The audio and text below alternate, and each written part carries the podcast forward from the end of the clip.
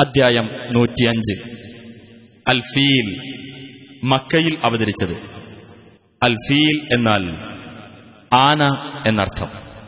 പരിശുദ്ധ കാബ തകർക്കാൻ ആനപ്പടയുമായി പുറപ്പെട്ടവർക്ക് അള്ളാഹു കടുത്ത ശിക്ഷ നൽകിയ സംഭവം വിവരിച്ചതുകൊണ്ടാണ് ഈ അദ്ധ്യായത്തിന് ഇപ്രകാരം പേര് നൽകപ്പെട്ടത്. ബിസ്മില്ലാഹിർ റഹ്മാനിർ റഹീം.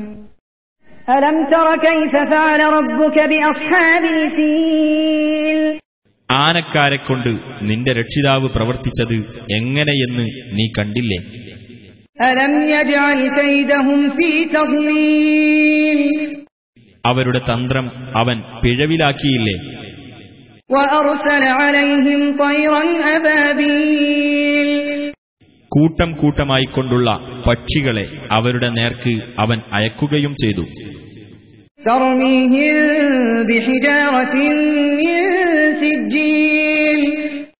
ചുട്ടുപഴുപ്പിച്ച കളിമൺ കല്ലുകൾ കൊണ്ട് അവരെ എറിയുന്നതായ.